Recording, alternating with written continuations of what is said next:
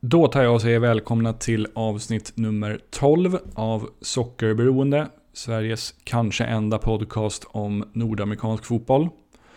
Jag heter Johan Dykhoff och i det här avsnittet har jag intervjuat ingen mindre än Kevin Bader som är en frilansjournalist och poddare vars främsta fokusområde är tysk fotboll. Eh, Kevin kan man exempelvis följa i podcasten Headlines som han gör tillsammans med Fredrik Pavlidis för Fotbollskanalens räkning. Man kan också med fördel följa Kevin på Twitter på att Kevin-bader där man kan få ta del av exempelvis nyheter om tysk fotboll men även mycket annat. I den här intervjun blir det mycket fokus på nordamerikanerna som idag spelar i respektive tidigare har spelat i Bundesliga. Vi pratar även om tyskar i MLS, det för tysk del tråkiga VM-slutspelet 2018 och den amerikanske Red Bull Salzburg-tränaren Jesse Marshs eventuella framtid som tränare i Bundesliga.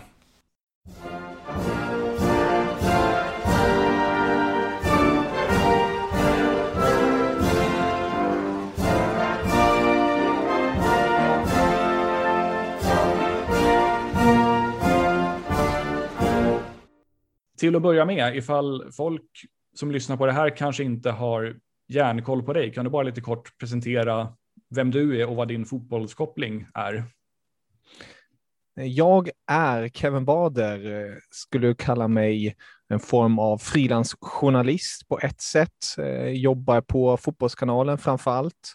Skriver där om tysk fotboll, har min Tysklandsblogg och sedan poddar jag också där tillsammans med Fredrik Pavlidis. En, ett sant nöje att få göra Headlines podden varje vardagsmorgon med honom där han eh, bokstavligen levererar det senaste från eh, fotbollsvärlden till det svenska folket. Så det är min största huvudsakliga syssla och kopplingen till fotboll är ju just det som jag var lite inne på där. Det är ju den tyska fotbollen. Jag är själv född i Tyskland uppvuxen här i Sverige men har alltid haft den tyska fotbollen nära hjärtat. Så det är lite det som är mitt, mitt livsmål på ett sätt, att, att förmedla den tyska fotbollen till det svenska folket. Just det. När och eh, hur och varför kom du, kom du till, till Sverige? Jag flyttade till Sverige när jag var cirka fem år gammal. Min mor ville då flytta till sina föräldrar som då bodde här i Sverige, i Stockholm.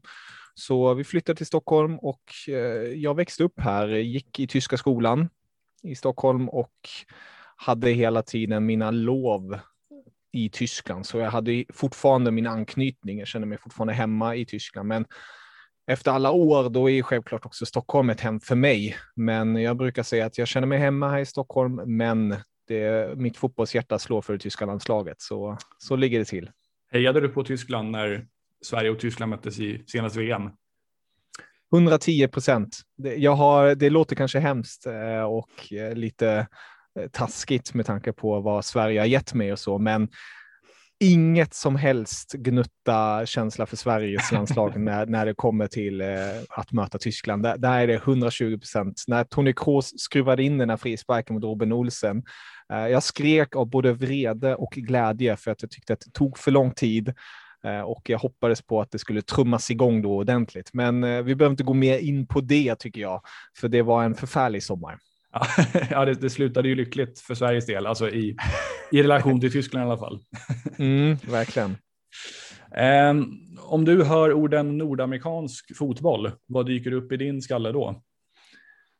Usch, det är jag tänker ju tysk koppling direkt. Då tänker jag på Franz der Kaiser, eh, Beckenbauer, en gång i tiden när han var där i USA.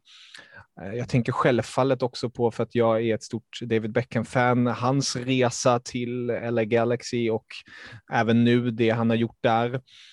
Jag tänker på eh, lite lite Hawaii-fotboll på ett sätt. Alltså att det, det, det, är både högt och lågt när det kommer till kvalitet. Så det är väl det som jag tänker först och främst när det kommer till eh, nordamerikansk fotboll. Mm. Har du konsumerat något eh, av MLS? Liksom sett matcher eller läst om det eller så i någon omfattning? det skulle jag väl ändå säga. Jag har sett en del MLS-matcher. Jag, ska inte, jag kan inte säga att jag har sett regelbundet, men eh, matcher lite då och då med speciella spelare, till exempel en Bastian Schweinsteiger eller en Wayne Rooney och sånt som man har följt extra mycket här i Europa. Och sen har man ju läst på när det händer grejer där. Men eh, jag skulle inte kunna säga att jag har stenkoll på vad som händer på andra sidan Atlanten. Om jag frågar dig om högerbacken i Vancouver så kan du inte hålla någon större utläggning om det, så att säga. Nej, jag är ledsen, där, där får jag passa. det är knappt att jag kan det. Jo, men det, jo, det skulle jag nog kunna göra. Lite kort i alla fall. Skitsamma. Mm. Eh, om vi går över till ditt expertområde, det vill säga Tyskland och Bundesliga och pratar om de nordamerikaner som verkar där och har verkat där. Eh, skulle du säga att det är någon eller några klubbar som liksom är särskilt förknippade med nordamerikaner, typ på samma sätt som att vi i Kalmar, eller förlåt, att vi i Sverige förknippar Kalmar med brassar. Mm. Jag kan inte riktigt säga det, för att det, det, det, finns lite här och där. Alltså vi, vi har ju sett till exempel i, i Wolfsburg har vi ett par stycken, i RB Leipzig har haft ett par, eh, liknande nu i Eintracht Frankfurt och, och lite så i Schalke också. Så det finns ingen klubb som jag personligen, när jag tänker efter, får den här stämpeln direkt. Men jag tycker ändå att man ser mer och mer ut av just nordamerikanska spelare i Bundesliga, likt vad vi har sett till exempel med engelska spelare i Bundesliga. Det är, det är en väldigt populär liga för unga lovande spelare. Så eh, det, det är lite kul att se. Jag tänker en personlig favorit som har nordamerikanskt påbrå på ett sätt. Det är ju Owen Hargreaves. Han har ju något kanadensiskt där, så det. Det, det. minns jag väldigt gott när han spelade i Bayern München. Det, det, är en spelare som jag gillar personligen väldigt mycket på grund av hans mångsidighet. Sen finns det flera som vi kommer komma in på lite senare, men ingen klubb som jag skulle ge den här hederliga stämpeln som nordamerikanska klubben. Nej, jag förstår. Det känns i alla fall ur mitt perspektiv och liksom ur mitt, med mina MLS-glasögon som att eh, Red Bull-lagen i Europa har nu börjat använda New York Red Bulls lite mer som en liksom, pipeline in i deras verksamheter. Alltså att man börjar dels plocka spelare därifrån, typ Tyler Adams som vi kommer in på senare. Men, och nu är det även ta tal om en kille som heter Caden Clark som är en ung mittfältare i Red Bulls och man börjar också använda New York Red Bulls mer som en så här lite avlastningszon för spelare som kanske inte får så mycket speltid i eh, Salzburg och Leipzig också.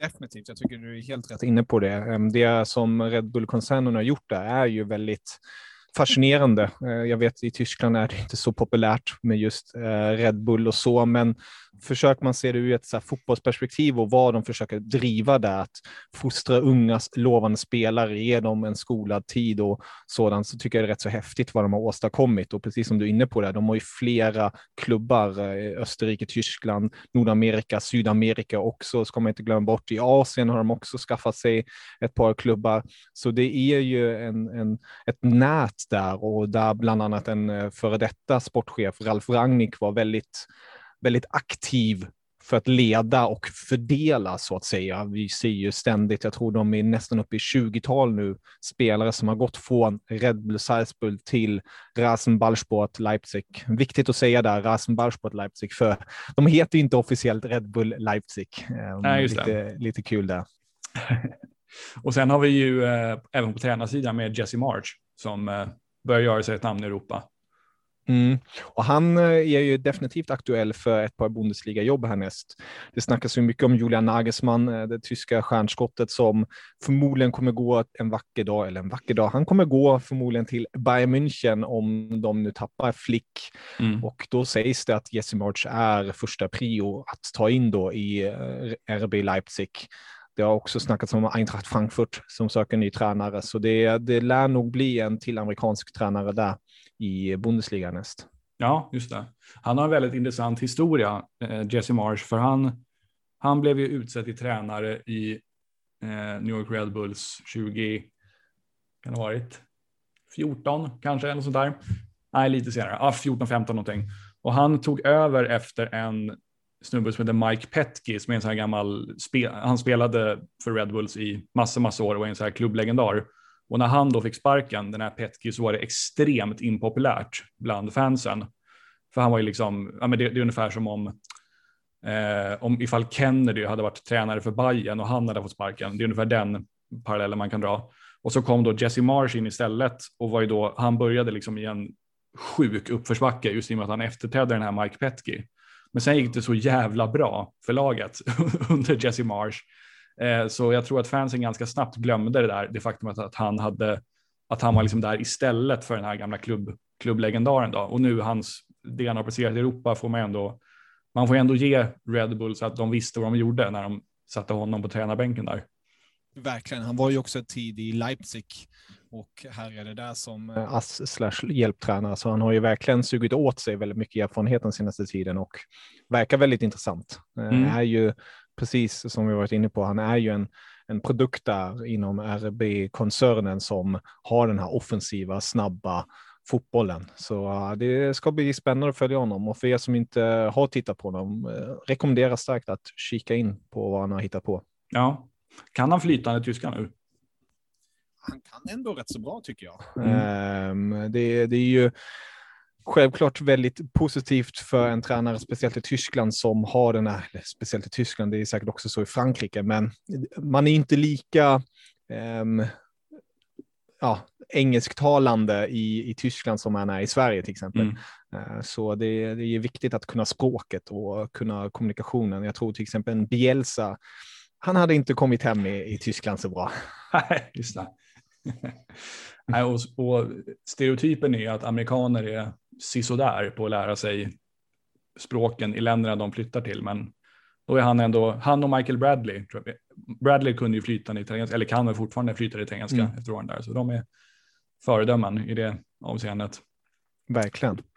Eh, jag tänkte vi skulle gå igenom lite de, de amerikanska, eller egentligen de nordamerikanska, det, Nordam, Nordamerika är inte samma sak som USA, så vi kan även få in Kanada på ett hörn här. Men jag tänkte vi skulle prata lite om de spelare som finns i Bundesliga idag. Eh, och jag, kommer, jag tänker att jag nämner dem som är verksamma i Bundesliga idag, så kan du säga några ord om dem helt enkelt. Mm. Hur, du, hur, du, hur du tycker att det går för dem och ifall du har någon särskild positiv eller negativ känsla kring dem eller så.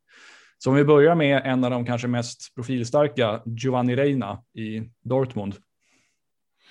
Ja, det, det är ett superstjärnskott verkligen. Förra säsongen gjorde han verkligen en eh, fin debut i Dortmund. Han är ju fortfarande så jäkla ung, eh, fyllda 18 om jag inte helt ute och cyklar eh, och gör det riktigt bra. Alltså med tanke på vad han redan levererat. Jag minns i Champions League förra säsongen när Dortmund mötte just PSG, hur han trädde fram där. Dortmund gick ju inte vidare, men det var ju framförallt Reina som gjorde ett ordentligt avtryck där.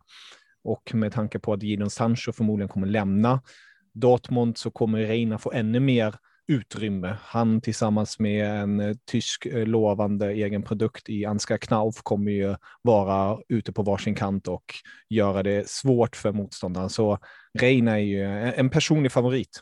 En riktigt fin spelare. Vad, vad tror du hans liksom, tak som spelare är? Är det liksom, alltså, bara, är det liksom topplag i Premier League eller Spanien eller vad tror du? Det tror jag definitivt. Alltså mm. med tanke på de som, om vi håller oss till nordamerikanska spelare som finns i Bundesliga så skulle jag ranka honom nog högst. Definitivt. Han, är, ja. han har ett extrem, alltså den, den mognaden framför allt. De besluten han gör på planen. Självklart finns det spelare som har hans, eh, samma nivå som hans teknik och alltihopa, men just den här mognaden i den åldern, att kunna utföra det på planen tycker jag är häpnadsväckande och det ska bli väldigt intressant att se hur han kan utvecklas i Dortmund. Nu kommer de ju få nya tränare Marco Rose till nästa säsong som är väldigt känd för just att främja de unga spelarna och köra ett offensivt spel. Så det ska bli kul att se hur Reina utvecklas i det klimatet och därefter ta ett, förmodligen ett kliv till en, en större klubb i någon av toppligorna. Mm. Ja, men det är verkligen, han är, en, han är ruggigt hypad i USA också. Och det, bidrar väl också att han, hans pappa är också gammal landslagsstjärna får man säga, Claudio Reina. Exakt. Så det är Exakt. Bra, bra gener i den familjen. Verkligen. Ja, det, är, det är som sagt nordamerikaner och eh, i Dortmund har ju funkat. Eh, man har ju Pulisic också, nu spelar han ju inte längre där, men han, han gjorde ju också jäkligt bra. Eh, ja. Och är tyvärr för skadebenägen nu för tiden i, i Chelsea, men är också en sån här spelare som har en fin, fin spets. Jag skulle dock säga att Reina är personligen mer komplett. ja. um, i det avseendet. Jag tycker Pulisic har, har spetsen att vara den här kantspelaren och göra sin gubbe och göra det på sista tredjedelen. Jag tycker Reina kan till och med föra ett spel på ett annat sätt, alltså vara centralt och spela fram sina medspelare på, ett, mm. på en helt annan nivå. Just det. Eh, jag kommer tänka på han nu, eh, Subotic, han har också, han, apropå Dortmund-spelare, han har också någon form av amerikanskt påbrå, om han till och med är född, nej han är inte född i USA, men han har i alla fall bott där tror jag. Okej, okay. det, det visste jag, vet jag faktiskt inget om, men uh, han är ju också en eh, skön lirare. Ja. Träffade honom faktiskt uh, lite av en slump i Stockholm en gång från ingenstans. Han var ute och joggade på Djurgården. Jag, jag trodde först att jag såg fel, men han hade tagit semester, så här kort semester bara för på något sätt ja, ta det lugnt och slappna av. Så joggade han på Djurgården trodde han inte att han skulle bli igenkänd där, men det blev han. Ja. han, är tydlig, han, han, är född i, han är född i forna Jugoslavien, men han spelade för USA på U17 och U20 nivå. Ah. Han har bott i USA eh, under sin barndom, helt enkelt. Men han valde, han valde ju, eh, nej förlåt, Serbien valde han. Serbien, precis. Just det, precis. Det är en sån där, han kunde ha valt USA om han ville, men han valde väl mm. Serbien för det. De, de var bättre än USA på den tiden. Eh, vi nämnde Tyler Adams lite eh, tidigare. Vad, mm. vad, vad, tycker du om honom? Hur går det för honom? Jag tycker det går bra. Han, han, han trivs under Nagelsmann. Jag tycker han hade lite småtufft för att det som jag tycker Tyler Adams är både en styrka och nackdel är ju att han är så mångsidig. Mm. Det, det, det, är så att han, han kan spela i ett mittfält centralt. Han har också agerat lite på en kant och sprungit upp och ner. Han har även agerat lite i försvaret ibland i RB Leipzig och varit där en form av eh, central mittback när de ställer upp med en trebackslinje. Alltså, det har varit lite, ja, ska man säga, det, det, det, finns ingen given plats för honom för att han har inte de spetskvaliteterna vart man bara säger du ska vara där, punkt. Men den stora spetskvaliteten är ju självfallet eh, det hårt jobbande slitet han gör eh, och då passar han, tycker jag personligen, centralt i mittfältet. Och eh, jag tror att han, han är en bra spelare. Eh, jag tror definitivt att han har ett par nivåer till i sig, men eh, jämför vi med Reina tror jag inte att han kommer nå till de nivåerna. Så eh, det blir spännande att se. Det är en spelare som eh, behöver en tydlig roll, först och främst. Ja, precis. Jag har faktiskt sett honom live en gång när han var så här 17 eller någonting. Då var jag över i, i eh, New York och såg först en MLS-match och sen en match med New York Red Bulls andra lag och då spelade han där. Han var väl så här 17, 18 då någonting. Och det var först, men det är först i efterhand jag inser att jag, har, att jag såg honom i den matchen. Så han, han gjorde inget sådär enormt bestående avtryck då. Nej, han känns ju som sagt, han gör inte det, den där konst, konstiga passningen eller något utomordentligt. Han, han gör mm. jobbet helt enkelt. Ja. Och det är ju väldigt, väldigt bra för ett lag. Um, och tyvärr kan det ju försvinna också det, att man inte lägger märke honom. Precis, precis. Eh, sen tänkte jag att vi tar två stycken i stöten. Det är två sådana där tyskar som har valt att spela för USA. Eh, Timothy Chandler och John Anthony Brooks. Mm. Chandler skulle jag väl säga, han har ju varit länge i Frankfurt. Mm. Eh, jag tror han gick dit 2014 en truppspelare. Han, han mm. spelar ju inte regelbundet. Det är, det är inget, inget att höja ögonbrynen för. Brooks däremot tycker jag mycket om. Eh, stark, stabil och varit en stor del till eh, varför Wolfsburg har varit så jäkla bra den här säsongen. Han tillsammans med fransmannen, ursäkta mitt uttal, Lecrox, eh, supertalangen som kommer från Suzhou. Eh, de två bildat ett riktigt fint mittbackspar. Eh, laget som har släppt in minst ligamål tillsammans med eh, RB Leipzig. Ah, nu tillbaka. Nu, ska se. Det står att min, det stod att min internetuppkoppling var unstable, men nu, nu hörs det. Vi, vi rullar på. Brooks pratar vi om. Eh, Perfekt. Ja. Perfekt. Brooks, precis. Eh, Brooks skulle jag då definitivt eh, höja högre än Chandler för att jag mm. tycker Brooks, han har gjort det riktigt bra, speciellt den här säsongen med nya mittbackskollegan Lecrax, Lecrax, ursäkta mitt uttal, eh, franska supertalangen från Suzhou. Eh, så Brooks, eh, skön lirare det blir spännande att följa också han och hans Wolfsburg då kommande säsong för att de kommer ju spela Champions League. Överraskande.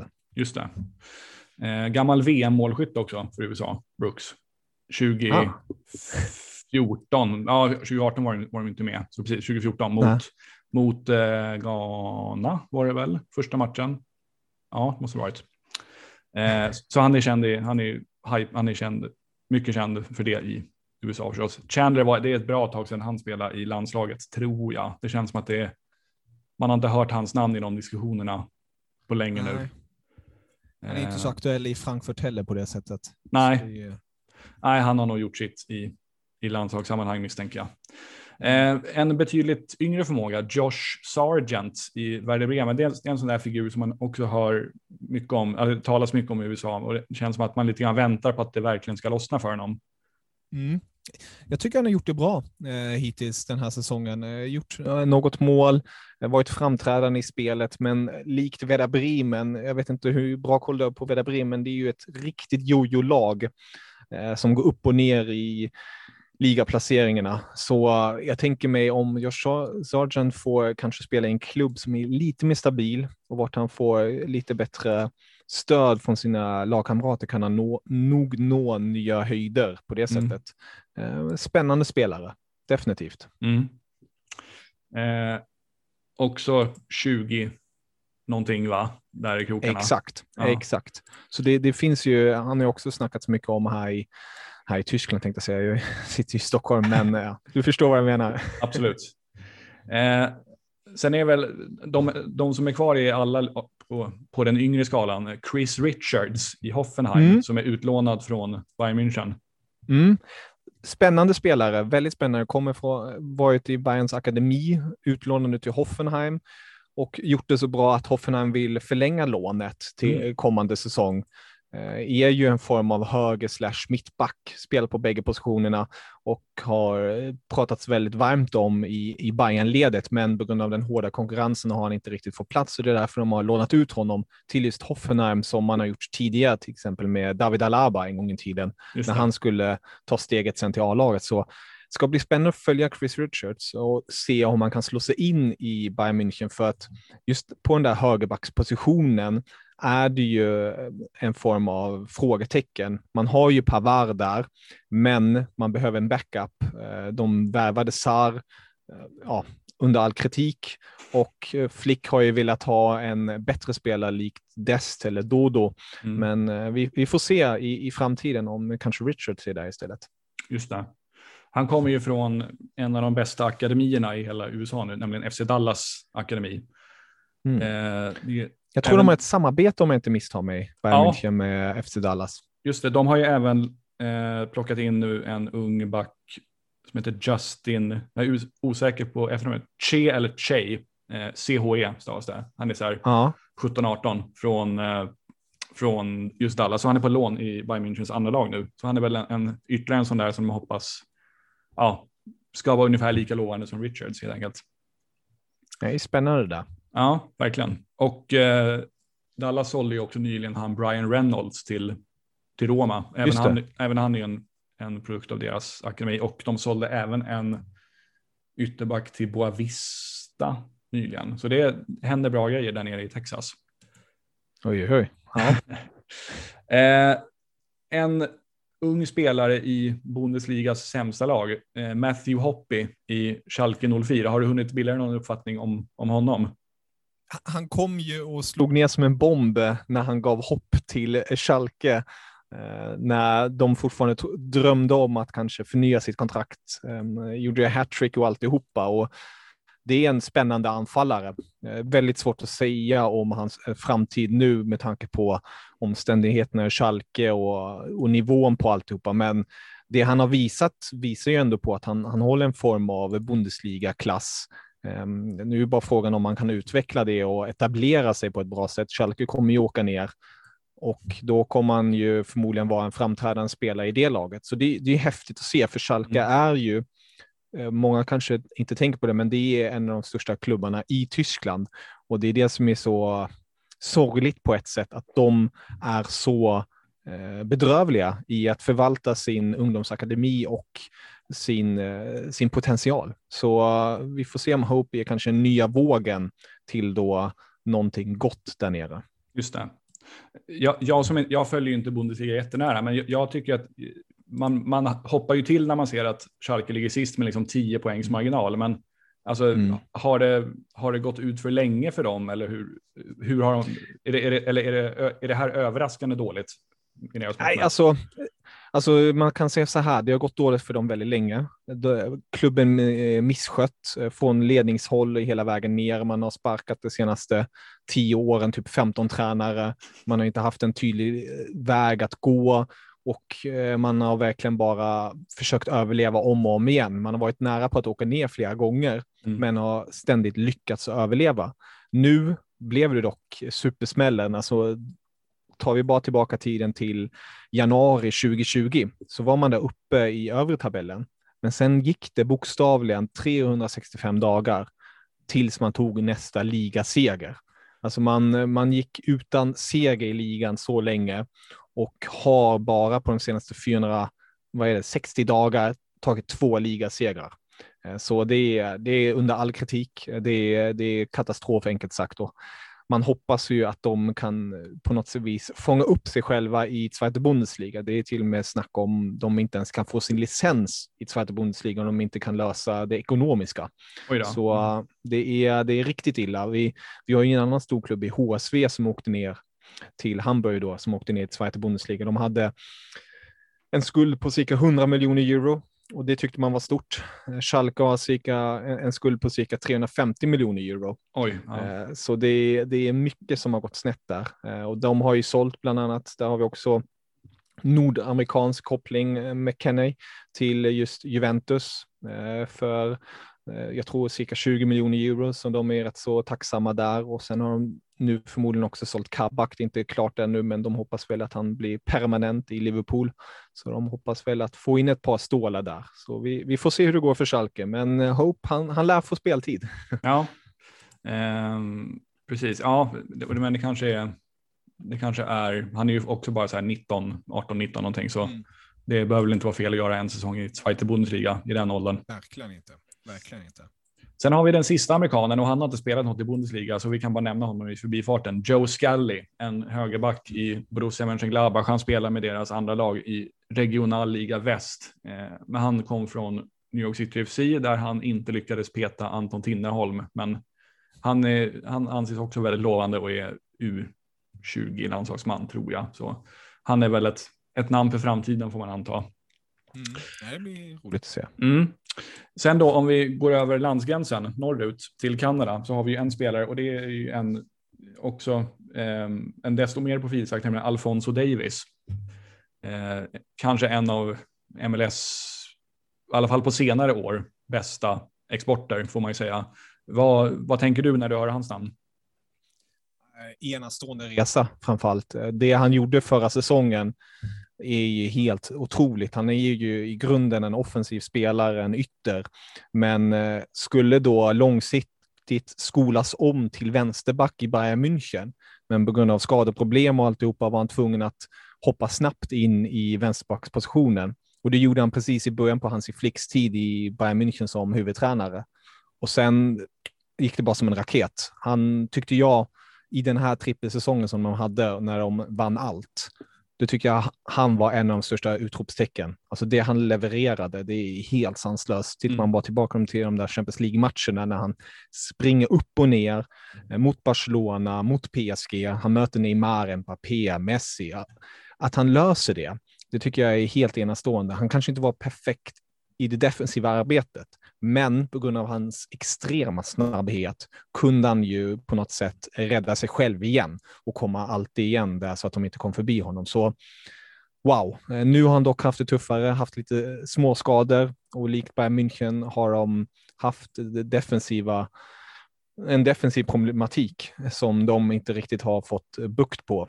Och eh, då har ju tyvärr Davis också lidit av det, men det är ju inget snack om saken. Han är ju fortfarande ung och eh, det han har visat, han, han kommer vara på den absoluta toppen många, många år framöver. Mm. Ja, det är skithäftigt att, alltså att en spelare som spelar i, han kommer ju inte ens från ett bra MLS-lag, alltså Vancouver är ganska mm. dåliga. Eh, och att han kan gå därifrån till ett så bra lag som Bayern München, alltså det är ju inte, liksom, det är inte Nürnberg han har gått till, eller, utan det är, det är liksom det bästa, bästa, bästa laget i Tyskland och är så Exakt Ja, det är skithäftigt. De gjorde, Mm. Eh, för ungefär ett år sedan när MLS var pausat på grund av pandemin, då gjorde de, eh, eller deras officiella podd gjorde sådana här, eh, de kallar det för Mount Rushmores, för dels för, för alla lag i hela ligan, men sen också för, för hela MLS, då de alltså tog ut de fyra mest betydelsefulla spelarna i ligans respektive alla MLS-lags historia.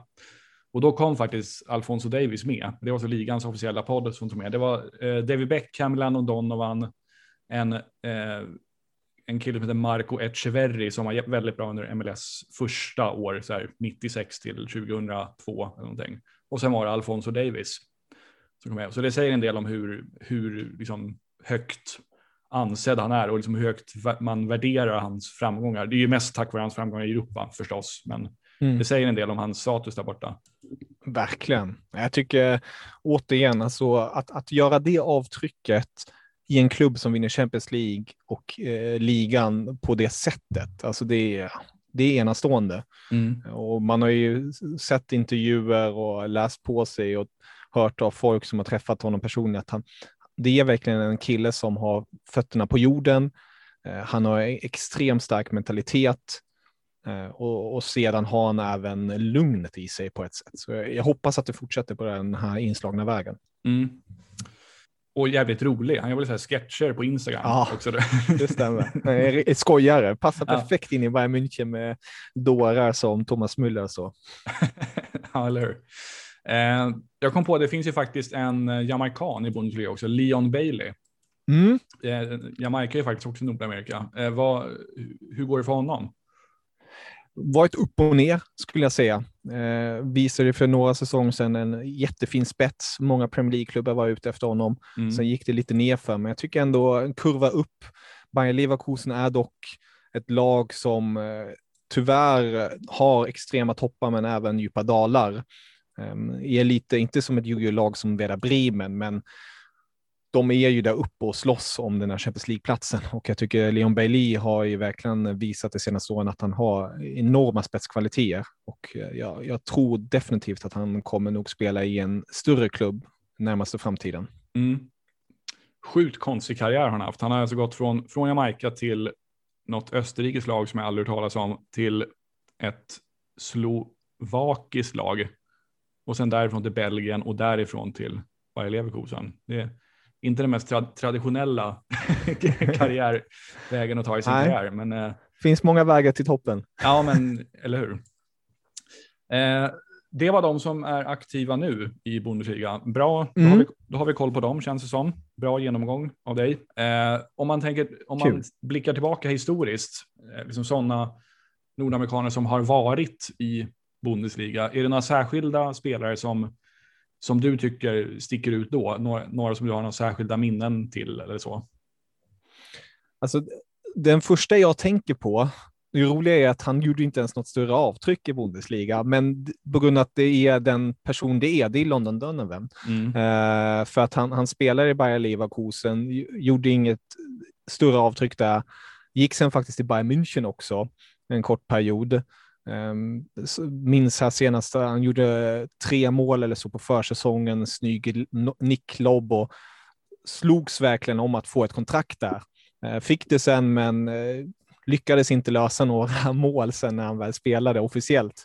Ehm, så det är en eh, spelare som jag tänker på när jag tänker på amerikanska, för att det är ju på något sätt, när jag tänker på MLS, eh, att det är en av de här stora spelarna jämfört med, finns självklart flera andra också, men han är en Mm. av dem. Och jag tycker det är lite coolt och lite otippat när jag tänkte efter att han, han var i Bundesliga också. Just det. Han, är, han har ju liksom blivit en sån. Han var, han var ju nästan hela karriären i MLS. Han var ju i Mm. Le- Leverkusen när han var ung, men sen var han i MLS i princip hela karriären med undantag från de här lånet till Bayern München och två lånevänder i Everton också. Men han är ju lite grann motsatsen till de här som kommer upp nu, som istället eh, förmodligen kommer spendera större delen av sina karriärer i Europa. Eh, och det är liksom ett, eh, vad ska jag säga, men något slags tydligt skifte i, inom amerikansk fotboll. Att Mm. Ehm, ja, Donovan var eh, lite grann, så gjorde man då, att man höll till huvudsakligen i, i USA, men nu är det snarare att man håller till huvudsakligen i Europa. Det blir spännande att se sen i framtiden om det blir den här, om vi ska dra parallell till allsvenskan, att man är som ung i, i sin inhemska liga, åker internationellt, gör en fin karriär, sen återvänder hem Mm. som en form av hemvändare och verkligen ska leda sitt lag till nya framgångar. Det, det ska bli spännande att se det om till exempel en Davis gör det eller några andra också gör det när de återvänder, om de återvänder till MLS. Ja, men precis, precis. Det har ju varit några sådana sista åren. Man tänker, Clint Dempsey gjorde ju det och Casey Keller, Bradley, fast han var ganska ung när han kom tillbaka. Eh, Carlos Bocanegra, Greg Beerhalter. Ja, det har, varit, det har ändå varit en. Däremot är det ju så, i och med att MLS har så jävla konstiga transferregler, så spelarna kan ju inte välja var de ska spela, utan Just det. de hamnar ju där de hamnar. Så då, kan det liksom bli en sån här, sån här konstigt att, att liksom eh, Carlos Bocanegra får avsluta karriären i det här jävla haverilaget Chivas USA, liksom som, som, som, som lades ner några år senare. Eh, och det, det är ju lite synd. Så exempelvis om Alfonso Davis av någon anledning skulle vilja flytta tillbaka till MLS eh, nu, så skulle han inte kunna säga ja, men, ja, men jag vill till Vancouver, för där, det är ju där jag kommer ifrån, utan då, då är det så att något lag, då skulle de liksom behöva trada till sig hans rättigheter, för då är det ett annat lag som har liksom första tjing på honom, enligt en så här jätteinvecklad jävla modell som finns där. Så det är, Otroligt, otroligt. verkligen. Eh, är det någon annan eh, gammal nordamerikan som, som sticker ut sådär? Inte vad jag kommer på så här just eh, annars riktigt till Mm. Bundesliga. Jermaine. Jones, om, han, han, han är ju så här halv, han är ju Mm. så här äh, gränsfall, han är ju tysk, tysk-amerikan liksom. Precis i, i Schalke där. Mm. Då tänker jag specifikt. Eh, stabil spelare. I- inget som jag tänker på stack ut så här på det sättet. Jag tror det är det som kommer göra det extra roligt nu med de här unga. Precis som vi har varit inne på att de har sin eh, peak framför sig. Att de får också uppleva den och utföra den kanske i Bundesliga redan. Mm. Eh, Så det, det ska bli väldigt roligt och spännande att se de där avtrycken de kommer göra härnäst. Mm. Han, är, han fick ju en ganska häftig karriär, för han, han var väl en ganska så liksom average Bundesliga-spelare eh, i sina, Stämmer. när han var där. Men sen, han fick, i och med att han valde att spela för USA, så fick han liksom spela VM, göra mål i VM eh, och bli liksom en nationalhjälte i ändå ett ganska stort land som USA. Sådär. Och så fick han också några, i alla fall ett par rätt bra år i MLS när han väl gick dit också. Där han väl inte hade hamnat ifall det inte vore för att han hade valt att spela för USA, kan man misstänka i alla fall. Så nej, han, han är en, definitivt en profil i USA. Väldigt, eh, vad säger man, han är en sån här som eh, ganska kontroversiell, för han, han, ja, men han kan gå ut och såga både den ena och den andra personen inom, inom MLS och amerikansk fotboll. och Sådär så man, man, man, man hör talas om honom ibland, trots att han inte spelar fotboll längre. Ja. Det är ju smart val av honom med tanke på att han förmodligen inte hade slagit sig in i det tyska landslaget. Nej, Eh, precis. Så att, att kunna ha som andra land ett sådant stort land är ju eh, rent businessmässigt eh, väldigt taktiskt. Ja, precis. Nej, Det är ju inte Malta, liksom, utan det är, ändå ett, det, är ändå ett stort land som oftast går till VM då, med 2018 som ett trist undantag. Nej, vi Eh. behöver inte prata om 2018. Nej, precis, vi skippar det. Eh, jag tänkte om vi eh, vänder på det hela och tänker tyskar i MLS. Då, jag var tvungen att Mm. grotta lite i det också. Och, ja, det finns varit, en hel del profiler. ja, det har det varit. Dock är det inte speciellt många som har varit speciellt framgångsrika. Ehm, om jag inte misstar mig så har det till exempel aldrig kommit med någon tysk i årets lag i, i MLS under alla år. De gillar inte tyskar. Nej, det kanske är, det, det kanske är därför helt enkelt. Eh, Ja. Om man kollar på den, den tysk som har spelat flest matcher i MLS genom tiderna så är det en, en riktig doldis, i alla fall för om man inte följer om man inte följer MLS. Det är en kille som heter Julian Gressel och han är en sån här kille som spelade collegefotboll i USA och sen blev draftad upp till Mm. Han, han spelade bland annat för Greuther Fürth i sin ungdom och sen gick han på college, eh, Providence College tror jag och sen blev han draftad av Atlanta inför deras första säsong i MLS och det året fick han det Rookie of the Year-priset i MLS, så då var han riktigt bra. Och nu är han i DC United sedan i fjol, där han än så länge inte har varit så bra. Men det, det Okej. kanske, ehm, eh, det har varit tal om att han däremot ska faktiskt bli amerikan eh, och börja spela för, för USA. Och det skulle nog kunna gå. För det, är, det är förvånansvärt lätt för utländska fotbollsspelare att få sådana här green cards så att de räknas som amerikaner. De delar ut, varsågod. Ja, det, precis. De, de, de, de, de delar ut det som så här rabattkuponger i gallerier. Ja. är du Eh, bra? Okej. Precis. Nej, men så han, han är faktiskt, om min research stämmer så är han den tysk som har spelat flest matcher i Mm. någonsin. Eh, den tysk som spelar flest MLS-matcher någonsin. Eh, Mm. Och jag kan tänka mig att det är en, en spelare som många i Tyskland typ aldrig ens hört talas om. Liksom. Och för han Nej. har, han har aldrig haft någon karriär alls i Tyskland på seniornivå. Ja.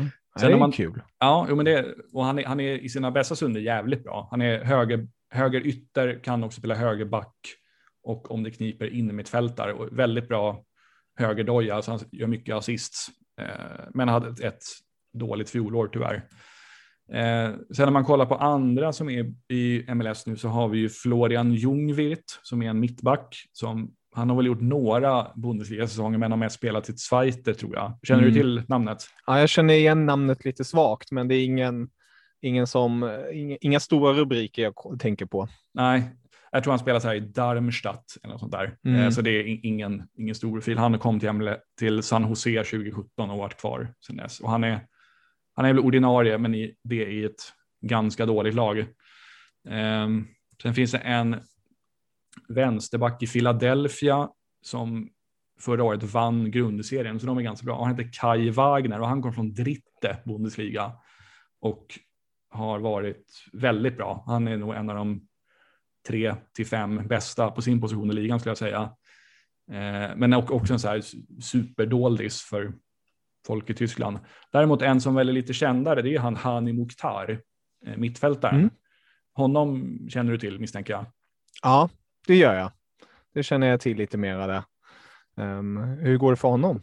Jo, han kom ju, han spelar ju i Nashville sedan förra året. Eh, Han var deras första sån designated player, alltså dyra stjärnvärvning. Eh, han, är, han blixtrar till men är, han, liksom, och visar så enstaka moment av hög klass. Men eh, däremellan kan det gå ganska lång tid tyvärr. Och sen har Nash, Nashville, de var, alltså, de var väl helt okej förra året, men de, han behöver nog steppa upp lite till och även laget för att man ska kunna tycka att han har gjort sig förtjänt av de pengarna. Eh, Men han är väl en sån här före detta stortalang liksom, som det aldrig riktigt lossnar för i Europa. Mm. Det stämmer, det stämmer. Det är inget, alltså, det som jag minns var ju att han precis inte riktigt lyckades slå sig igenom. Nu minns jag inte exakt, vad, vad var det för klubb igen? Han spelar i, Han, han, var, i, han, var i, han var i Leipzig vet jag. Ja, ehm, precis. Och sen var han i Mm. Bröndby ett par år. Just det. Där gick det vägen för honom. Ja. ja det är som sagt de, de största man tänker, eller man, jag tänker på med, med MLS tyskar de senaste 20 åren. Det är självklart Bastian Schweinsteiger. Mm. Ehm, som du var inne på, det är ingen, ingen så här superlysande kanske. Ehm, han är också inte känd för att kanske stå ut bland mängden på det sättet. Han är ju mer kämpare. Torsten Frings också en sån gammal profil Mm. som också var ett kort tag i, i MLS ehm, som jag också tänker på. Så det, det är ju de här lite mer hårt jobbande som såg möjligheten och tog, tog sig an äventyret att åka till, till MLS och så. Ja, Men det, är, det, men det är inga sådana här riktiga konstnärer. Jag tänker också när jag tänker på MLS, tänker på Jovinko direkt. Det är en personlig favorit. Um, alltid när man också spelar Fifa vill man ju ha Jovinko när man spelar i MLS-lag. Mm, ja, det är klart. Det är klart. Han, han var i alla fall hans första år i MLS 2015. Då var ju han. Det är nog ett av de individuellt sett eh, bästa säsongerna någonsin av en spelare i MLS. För han vann ju alltså både skytteligan och assistligan den säsongen. Eh, sen var laget inte speciellt bra. Eh, men nej, han var ju helt överjävlig sina första säsonger och eh, inte minst hans frisparkar är ju, Mm. alltså det eh, han måste, jag tror han har, om, undrar om inte han har MLS-rekordet i flest frisparksmål eller sådär. Alltså det är liksom 25, alltså 20-25 stycken. Det är helt vansinnigt vad mycket frisparksmål han gjorde. Eh, och också en sån här spelare som, han kom ju till MLS när han var ganska ung fortfarande. Jag tror han var 20, Exakt. 27 eller något sånt där. Och var väl en sån här spelare som folk li, lite grann hajade till av. Jaha, går han till MLS nu liksom? Mm. Mitt, mitt i sin Exakt. prime.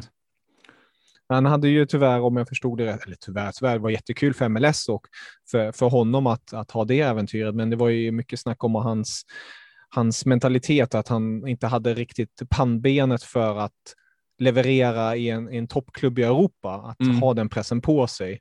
Att istället då alltså spela i mindre klubbar vart han på något sätt kan, ja, inte ha den uppmärksamheten helt enkelt. Nej, precis. Åtminstone så blir det liksom ett, ett mycket mindre sammanhang att vara i MLS kontra Serie A eller Premier League eller så. Sen var ju han, å andra sidan var han ju eh, den stora lysande stjärnan som alla ville markera och sparka ner. Så han fick, han fick ju mycket, mycket, uppmärksam, mycket uppmärksamhet på så sätt. Men Mm. däremot i ett... Alltså, i Han hade ju ett- kvaliteten på sin sida på det sättet. Där behövde, inte att man ska racka ner på kvaliteten på alla MLS-spelare, men på grund av att hans nivå var så hög Mm.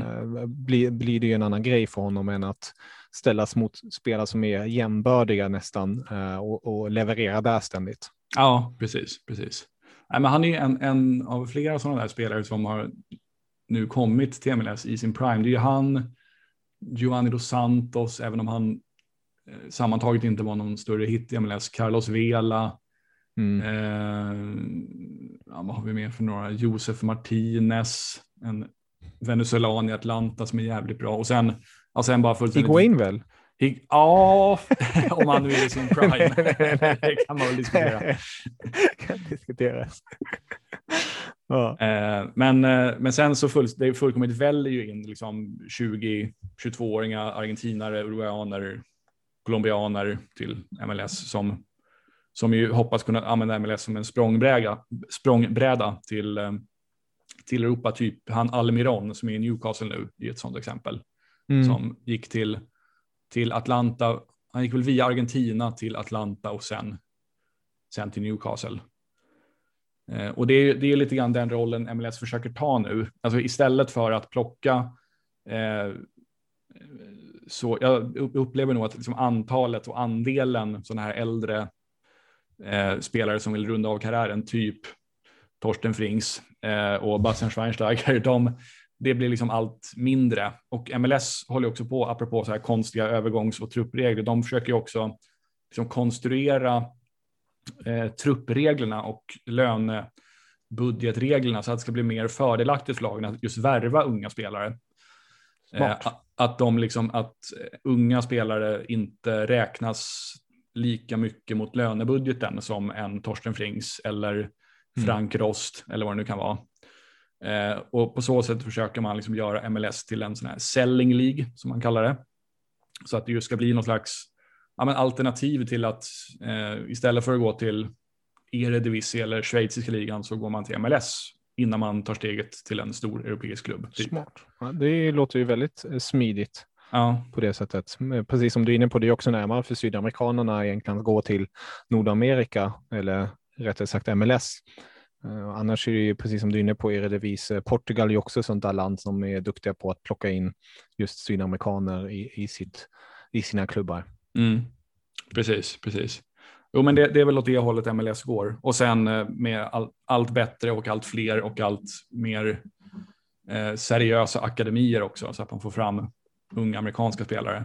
Tidigare har det ju varit, alltså, om man går tillbaka kanske 20 år, eller kanske till och med räcker med 15 år, 15, 10-15 år, så var ju nästan alla amerikaner som kom fram, eh, de hade gått via college i USA.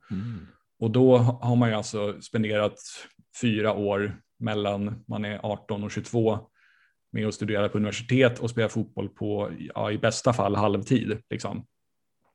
Och nivån på amerikanska college-ligorna är väl inte superhög. Så det, och det är ganska liksom värdefulla år man förlorar på att inte spela fotboll på heltid om man går på universitetet och spelar fotboll på halvtid när man är 18, Mm. 18 till 22. Plus att man då också kommer in i proffsfotbollen när man är i för, vid förhållandevis hög ålder. Alltså, det kunde vara spelare som blev draftade när de var 23-24 och alltså då hade spelat noll minuter proffsfotboll som kom in i MLS. Och det är rätt, det är rätt gammalt alltså. Ja, det är det. Speciellt tittar man bara på Dortmund, då är ju Håland 20 år gammal nu för tiden. om, man, om, man, ska dra det riktigt eh, grovt ja. med tanke på alla unga talanger som är där. Precis, nej så hade, hade Gio Reyna varit baserad i USA så finns risken att han hade liksom gjort sitt första år på college. Liksom. Det, det hade inte varit det bästa för hans utveckling. Det finns ju vissa undantag, alltså spelare som har gått på college och sen, sen kommit långt, typ, ja, men egentligen alla som, alla som var riktigt bra så här runt millennieskiftet, med undantag för Lennon Donovan, eh, gjorde nog det. Men så här, eh, alla de här Eddie Pope och Carlos Bocanegra, eh, Tab Ramos, allt de hette på den tiden. De gick liksom tre, fyra år på college och sen blev de proffs och var, var ju riktigt bra. Så det går ju, men jag tror inte att det är optimala förutsättningar om man vill nå riktigt långt. Mm. Personlighetsmässigt kanske bra med utbildning kan man ju tycka ibland hos vissa fotbollsspelare. Det, det, ja, det är det absolut.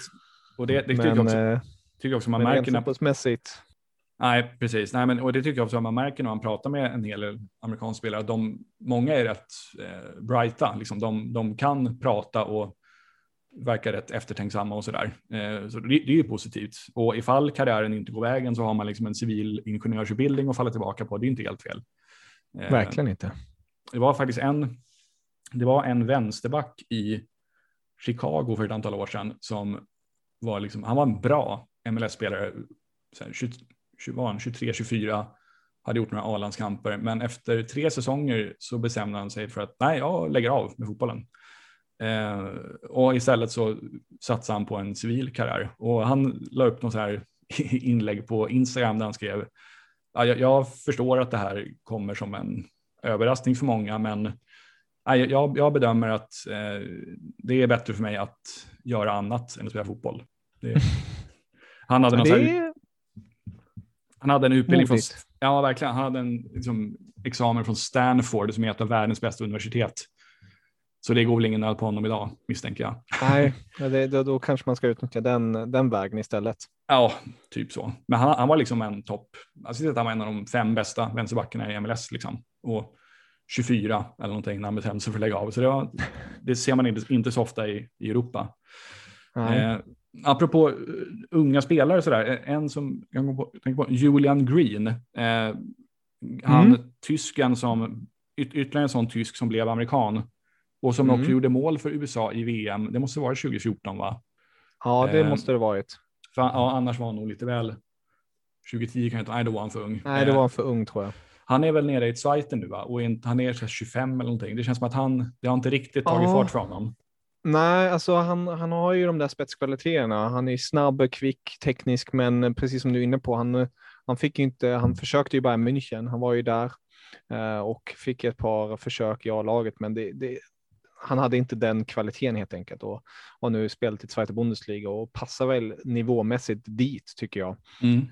Um, har ju i sina bästa stunder väldigt fin nivå i sig, men det är ju inte en sån spelare som uh, man höjer på ögonbrynen gentemot en Reina eller så. Nej, nej, det förstår jag. Han skulle nog kunna hamna i MLS tror jag. Alltså mm. så här att han känner att nej, men okej, det, det, vill in, det vill sig inte riktigt i Tyskland för mig. Jag testar mm. i Austin istället eller någonting. ja. Ja, det är kul, kul som sagt att det finns möjligheter och den globala världen på det här sättet att man, man har olika marknader att testa sig fram på.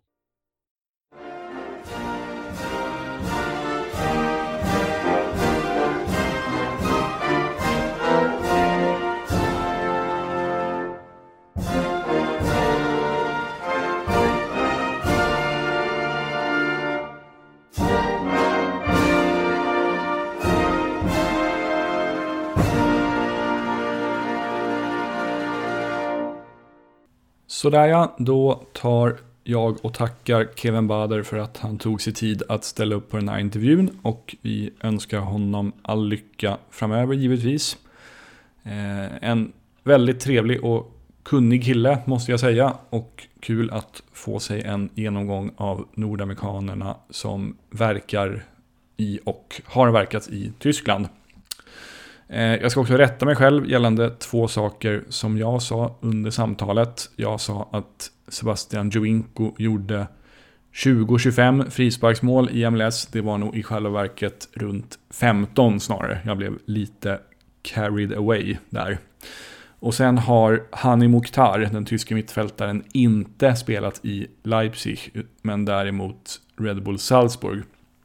Han har även spelat i Hertha Berlin Eh, och Benfica samt Brönnby och numera Nashville, som vi nämnde i intervjun. Det var det. Eh, nästa avsnitt blir om inget oförutsett händer en genomgång av omgång 1 i MLS som spelas fredag till söndag nu den här helgen som vi befinner oss i. Och den kommer jag sköta på egen hand, men sen lär avsnittet efter det bli ett vanligt gästavsnitt. Eh, ta hand om er så länge så hörs vi i kommande avsnitt. Tja tja!